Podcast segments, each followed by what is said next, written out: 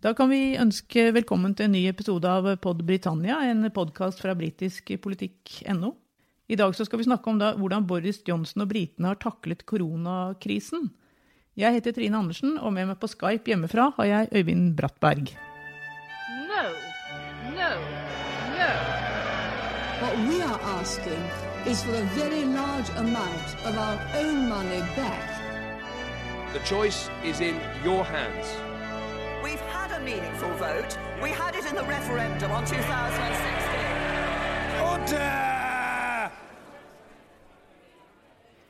Ja, nå er det bare to uker siden jeg kom hjem fra Storbritannia. Jeg var da både i Yorkshire og i London. Og det eneste jeg merket der til at det var koronatider, var en oppfordring fra Boris Johnson og regjeringen om å vaske sine hender godt og grundig. Og noen dager etter at jeg kom hjem, så stengte jo da skolene her hjemme. Men det skjedde jo ingenting i Storbritannia på nesten en uke. Det, tok altså, det var vel fredag i forrige uke at uh, pubene og skolene stengte.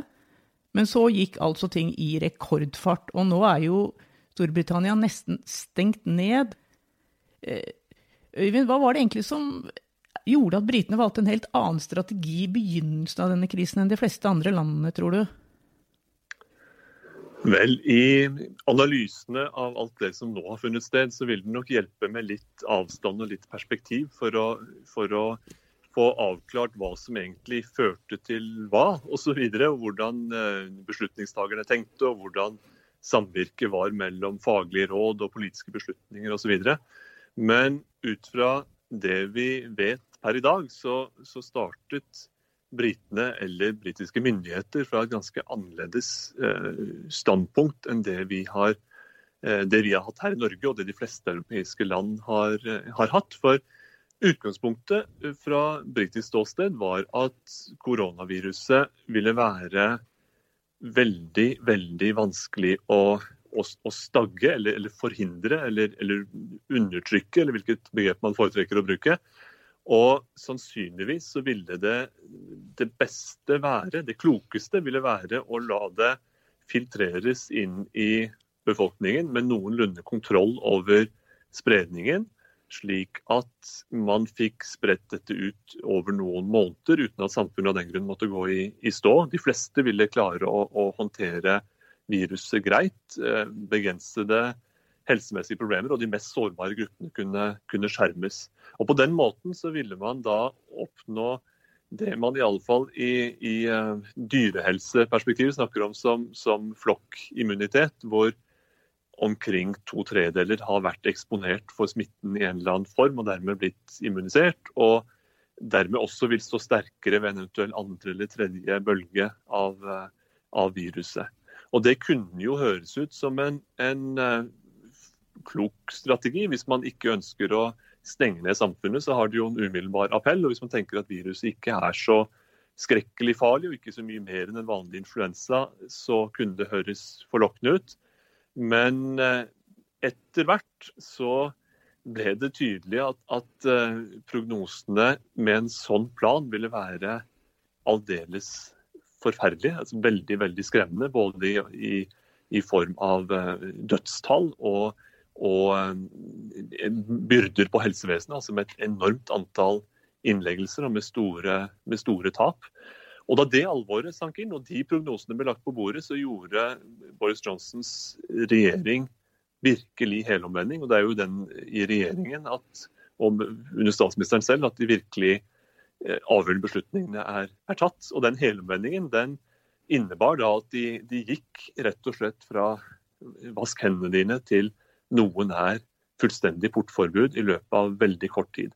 Så fra et, eh, et startsted som var langt løsere i fisken, kan man si, enn det vi har sett i Norge, til noe som er et enda strengere regime enn det, enn det vi har. Og det er et land som er stort, med en befolkning som er stor og tett befolket, og hvor dette oppleves som veldig dramatisk, naturligvis, og helt overveldende. Og akkurat som hos oss er det også uklart hvor lenge alt dette vil, vil vare. Så ut, en utrolig dramatisk tid, og med veldig stor spenning omkring hva dette egentlig vil føre med seg. Ja, Dette er vel veldig mye i, i, i stikk i strid med egentlig Torjenes politikk. Her har virkelig staten grepet inn på en måte som vi ikke har sett siden krigen. Det er for Boris Johnson problematisk på, på mange vis. Eh, tror jeg. Altså, ideologisk så er det, er det et drøyt stykke for et konservativt parti å, som du sier, gripe tak i, i, i samfunnet og økonomisk aktivitet med, voldsom, med voldsomme maktmidler. Og med, også med, med, veldig, veldig store økonomiske konsekvenser. Altså Først så stenger man samfunnet, og så sprøyter man enorme summer inn for å redde stumpene, så å si. Det, det er ikke noe høyresida er vant til å, å, drive med. Og det andre er jo, er jo, at Boris Johnson selv, han er jo Kan man lete etter et sånn grunntrekk i, hans, i ham som politisk skapning, så er han jo liberal, ikke sant? Med, med en veldig tillit til folks evne og vilje til å både se sin, sitt eget beste og til å fornøye seg og morre seg underveis. Han er en godværsperson. Så det å stå i spissen for den type, den type tiltak som man nå gjør, det er jo det krever nok en ganske stor omdreining av, av hans personlighet også, for å være en, en, leder for denne typen tider. Og Det er også ganske forskjellig, er det ikke? Det er ganske forskjellig fra visjonen om, altså hans Churchill-visjon om å kunne på en måte være en, en leder i krise også, for denne krisen er ikke helt av den, kanskje av den sorten som man kan løse uten videre. Nei, og dette med Churchill, som jo er hans store helt Vi skal vel kanskje altså Boris Johnson skal kanskje være litt eh, glad nå for at ikke det er et valg sånn, sånn veldig nært. Du, du, er jo historiker, dette kan du bedre enn meg, men var det ikke sånn at Churchill i 42 eller 43 så hadde han en oppslutning på 82% i befolkningen, og i, i 45 så, så ble han jo ikke gjenvalgt som statsminister. Så Boris Johnson kan kanskje være glad for at det ikke er, er valg neste år. Det skjer jo veldig mye oppi hodet til folk i sånne krisetider som de vi er inne i nå. Det skjer, det skjer mye i, i, folks hoder. Og det er, det er, voldsomme krav til eh, lederskap også. Hvordan, hvordan, man skal klare å ta de rette beslutningene under et enormt uh, tidspress. Og også med vanvittige menneskelige omkostninger. og Akkurat der er det jo en viss parallell til, til krigshandlinger. At, man, at, de som skal ta, gjøre bestemmelsene i, i, en sådan stund, de vet at det vil ha betydning for, for eh, menneskeliv, altså helt konkret. Og det, dette eksempelet med, med flokkimmunitet vis-à-vis en sånn eh, nedlukning av samfunnet med, litt sånn, med, med forskjellige grads eh, forskjeller imellom der, mellom de to ytterpunktene. Det er jo en kolossal forskjell i antatte tapstall. Altså hvor mange mennesker kommer faktisk til å, til å dø eller oppleve veldig lidelse pga. dette viruset. Og så må det, de prognosene også veies mot andre tungtveiende samfunnshensyn, både på kort og på lang sikt. Så det er klart at det er et ekstremt ansvar å legge på, legge på, på, på skuldrene til de som skal ta beslutningene. Og En statsminister kan ikke skygge unna de beslutningene. De må Boris Johnson stå, stå inne for. Og hvordan de vil stå seg om et stykke tid, det, det, må, det, må, tiden, det må, tiden, vise. Her og nå så vet vi i alle fall at de har, har gått drastisk til verks. Og så får man se hva konsekvensene blir. Mm.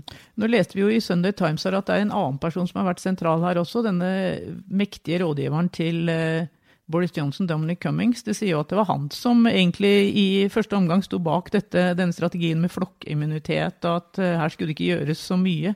Uh, hvor mye tror du vi kan stole på at uh, han har hatt en stor betydning her for det Boris Johnson har valgt å gjøre? Det er vanskelig å, å si. Altså, ofte synes det å være sånn at, at Cummings har en slags sånn initiativrett. Han, han trekker i gang en diskusjon og, og gir retning til den diskusjonen et, et, stykke tid. Men så kan det være at han blir overdøvet underveis. og Akkurat i dette tilfellet så virker det som han selv har, har vært blant de som endret veldig oppfatning på det tidspunktet de fikk disse tallene på, på, på bordet. Men han har nok også blitt overdøvet, sannsynligvis, av Boris Johnson selv, fordi han har hatt litt andre perspektiver og andre, andre prioriteringer. Det er nok vanskelig for en politiker som, som, Boris Johnson å si at han vil på et vis eh, villig ofre liv og helse til fordel for, for, et eller annet høyere mål, enten det er et ideologisk mål eller andre typer mål. Så hvis, hvis Cummings faktisk var en talsperson for en, en sånn flokkimmunitetsstrategi, så ble han i alle fall overdøvet eh, underveis, og endret nok også selv syn eh, underveis. Og det, alt dette har altså skjedd i løpet av, av veldig, veldig kort tid. Mm. Du, vi var så vidt eh, inne på krigen her, og dette her med Det vi husker fra krigen er liksom 'keep calm and carry on', og dette med flokkmentalitet, at alle drar i lag og sånn. Men var det virkelig tilfellet i Storbritannia under andre verdenskrig? Det er jo no, blant det som, som uh, skrives om nå, da. Uh, et av disse et av poengene nå, hvis man, hvis man trenger samhold, nasjonalt samhold osv., er jo å vise til hva man fikk til under krigen. Det gjelder å, å, å, samle seg om det som er viktig, og ta vare på hverandre og ha tro, pågangsmot og, og, og, og, trua på at det skal løse seg. Men alt var bestemt ikke ukomplisert under krigen. og Det er av, av de historier som også nå nøstes opp, at den type eh, skjønnmaling og sånn samlet fortelling man kommer opp med i ettertid, den speiler sjelden det, det, mangfold av problemer og konflikter som har rådet underveis. Eh, de, de av oss som har fulgt eh, krimserien Foil opp gjennom årene og sett forskjellige portretteringer av hverdagslivet under, under krigen på sørkysten, ser jo at, at, at i et lokalsamfunn og i, i møte med krigens trusler, så er det ikke sånn at alle nødvendigvis trekker i samme lei. Man kan skrive vakre fortellinger om det etterpå, men, men det vil sjelden være et sånn fullstendig innslag av solidaritet og enighet om hvordan man skal gjøre ting, og, og, og hvordan man skal være sammen, ikke minst. Så man skal nok være varsom med å ta de mytene fram og, og tenke at vi løser det under krigen, vi løser det nå. Vel, det løste seg under krigen, men det var mye som var veldig veldig vanskelig underveis. Og det er også nødvendigvis sånn at det å stå overfor en invasjon fra, invasjonstrussel fra Hitler-Tyskland er noe annet enn det å være utsatt for et virus som har globalt nedslag, og som rammer på mystiske og uforutsigbare vis, og som krever egentlig at, at alle bare legger ned aktiviteten og sitter hjemme til det hele går over. Det er også en veldig annerledes type respons som kreves enn det man møter i en krig. Så dette er vanskelig, fryktelig fryktelig vanskelig trussel å forholde seg til. Og på noen måter enda vanskeligere enn det er å stå overfor en felles ytre fiende. på en måte. Ja, så skal vi vel huske på det du nevnte her i stad, britene er 60 millioner. Hvis vi begynner å sammenligne med Norge, det, det blir liksom litt vanskelig da. Britene er 60 millioner, vi er fem. De bor veldig tett. Vi bor langt spre, mer spredt. Og vi har vel også en helt annen tiltro til politikerne her i Norge. Men britene har vært gjennom en tid med ekstrem splittelse, med brexit, med mistro til politikerne. Er det også noe som kommer til å slå inn her, tror du, når det gjelder om folk vil følge de reglene som nå Boris Johnson har skissert? Eller ikke skissert, men rett og slett at de skal følges. Bli hjemme, bli hjemme sier han jo veldig klart. Diktert, snarere Diktert, skissert, vil jeg man, absolutt si. Det er det riktige ordet her, ja. Si. ja. Men det, det, er klart at det er, det, er, eh, det er, veldig store forhold og stor befolkning, liten plass. Um, mye konflikt fra seinere år, mye mistillit fra seinere år. Jeg tror du har helt rett i det, at det kan være at det kan gjøre det vanskelig å få de klare kommunikasjonslinjene og den enigheten som man helst skal ha i en, i en sånn stund. Så er det også noe kanskje ved, ved folkelynnet som, som, kan være en utfordring. Altså, i, i, Norge så er vi jo vant med at nordmenn vil jo fare til fjells, og de vil følge egen, sitt eget hode, og de vil være ute i, i friluft. og og sånt, at det kan, det kan, utgjøre en vanskelighet hvis man vil disiplinere folk til å være være stille og være hjemme. Men i Storbritannia ser, det jo litt, ser, ser den utfordringen litt annerledes ut. Problemet er vel kanskje at, at de er ikke så veldig eh, vant til eller begeistret for autoriteter og hierarkier. Altså det å, å, få diktert hvordan man skal oppføre seg. Det er ikke nødvendigvis det man, det man vil ønske å følge. Du har reist mer i seinere år um, i Storbritannia enn hva jeg har, men det å umiddelbart si at man skal ikke samle seg med andre mennesker. Man skal slett ikke kunne møtes på kroa. Man skal ikke kunne ha en, en lite, lite slag fotball på, på landsbyløkka for den saks skyld, eller i indre bydeler. Det er ikke opplagt at det er noe man vil begeistres over å høre. Men hvis vi skal ta det rent politiske konsekvensene, vi ser jo allerede her at det skulle vært lokalvalg i Storbritannia i mai, det skulle vært valg til borgermester bl.a. i London. Og alt dette er jo ikke noe bare utsatt i noen måneder, det er faktisk utsatt i et helt år. Hva slags politiske konsekvenser får det da? Det er jo eh, vanskelig å si. Altså, man kan tenke seg at, at eh, alle disse eh, prosessene fryses, rett og slett, og så tar man opp igjen tråden når man er, når man er tilbake. Liksom. Litt som man kan utsette, et, utsette, olympiske leker til og med, eller andre store idrettsarrangement. Man, man får gjøre det siden. Ja, det, det får man jo, men, men, om det politiske bildet vil se tilsvarende ut når man kommer dit, er ikke godt å si. Hvilken vei vinden, eh, vinden blåser. Um, I London har, har, jo det borgermestervalget har blitt imøtesett med veldig interesse. Hvordan skal det gå med Sadiq Khan? Vil han gjenvelges, eller kan, kan uh, Sean Bailey bli den første ikke bare minoritetsborgermesteren, men, men Londons første sorte borgermester fra Det konservative partiet? Det var en veldig viktig og stor diskusjon om byens ve og vel som var på, på vei inn i denne våren. og det er klart at å skyve på alt dette blir Vi må rett og slett se hvordan, hvordan bildet ser ut når boka åpnes igjen eh, og alt dette er over. og Det er jo en, en veldig spesiell situasjon. Det, det er enda et, en, et, et, bilde på hvor spesielt egentlig dette, dette er. At man på et vis stopper all aktivitet eh, og venter på, på, bedre tider. Det er, ikke, det er, virkelig ikke noe man er vant med med, med annen verdenskrig som et slags unntak, hvor man holdt an eh, store politiske beslutninger til krigen var over. Men i vanlige, i vanlige tider, i fredstider, så er dette fullstendig til å gni seg i øynene over. Ja, og akkurat mens vi tar opp dette her, Øyvind, så foregår jo den siste spørretimen eh, i eh, parlamentet på en god stund framover, vil jeg tro. Eh, ganske skrint på de grønne benkene, selvfølgelig, for å, å demme opp mot smitte. Og dette er jo også faktisk den siste spørretimen for Jeremy Corbyn som Labour-leder. Det er vel ikke akkurat den sortinen han kunne tenke seg, vil jeg tro. Men det sies jo nå at parlamentet blir stengt ned i dag en uke før, før de hadde tenkt å gjøre det. Så de tar altså en ganske tidlig påskeferie pga. smittefaren. Så det, det, får jo store politiske konsekvenser her. Og en ting vi ikke har snakket om, er jo brexit. og Selvfølgelig, vi vet ikke hva som skjer, men dette skal vi helt sikkert komme tilbake til en ny podkast etter påske. Men kan du si helt kort hva du tror kommer til å skje nå? Tror du at denne overgangsperioden som nå går ut året, kommer til å bli forlenget? Sunn fornuft både politisk og, og forvaltningsmessig peker i retning av en slik utsettelse, fordi det vil råde en sånn unntakstilstand, og, og all overskuddsenergi vil, vil, rettes mot bekjempelsen av viruset og organiseringen av eh, hjelpepakker, støttetiltak, muligheter for å holde et minimum av økonomisk aktivitet gående. Alt vil handle om det denne nærmeste tiden, disse nærmeste ukene, de nærmeste månedene sannsynligvis. Slik at det skulle tilsi enda en utsettelse før brexit er iverksatt. Men så er det selvfølgelig mulig at det ideologiske målet om å komme ut likevel trumfer alle andre hensyn, og at de likevel, likevel gjør det.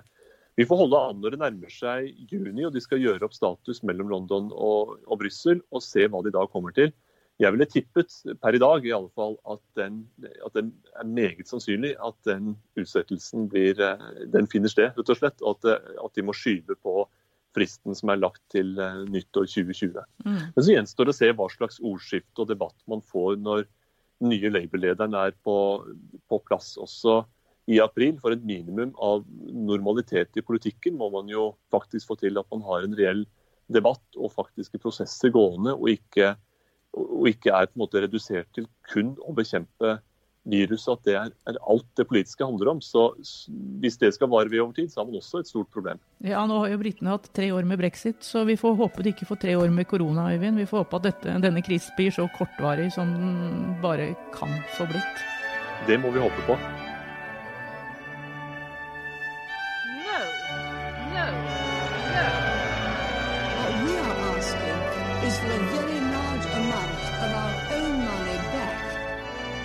Choice is in your hands. We've had a meaningful vote. We had it in the referendum on 2016. order!